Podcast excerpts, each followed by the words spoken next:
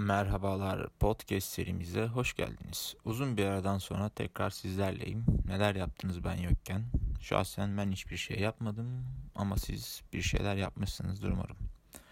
En son 22 Temmuz'da paylaşımda bulunmuştum.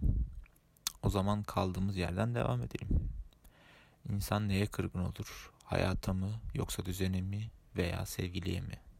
Burada parantez içinde eski sevgiliye mi diye ekleyeyim.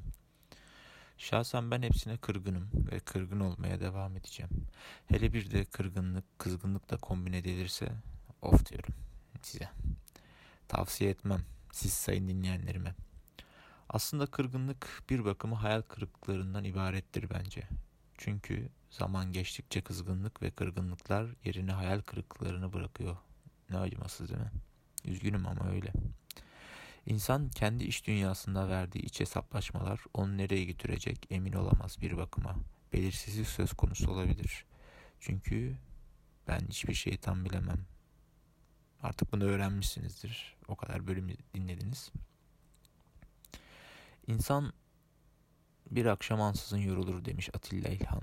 Birisine cidden mecbur muyuz? Yalnız yapamaz mıyız? Belki de ben yapamam herhalde. Sizi bilmiyorum. Ama bir kere kırılmıştım.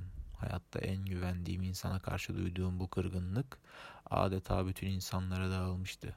Çünkü o benim için bütün insanlığın timsaliydi demiş Sebahattin Ali Kürk Mantolu Madonna adlı kitabında. Duyguların belki de en yoğun ve en geçmeyeni kırgınlık. Bin yıl geçse de geçmez kalır insanın içinde. Tavsiye etmem kimseye. Kırılmayın en azından deneyin. Çünkü çözümü yok.''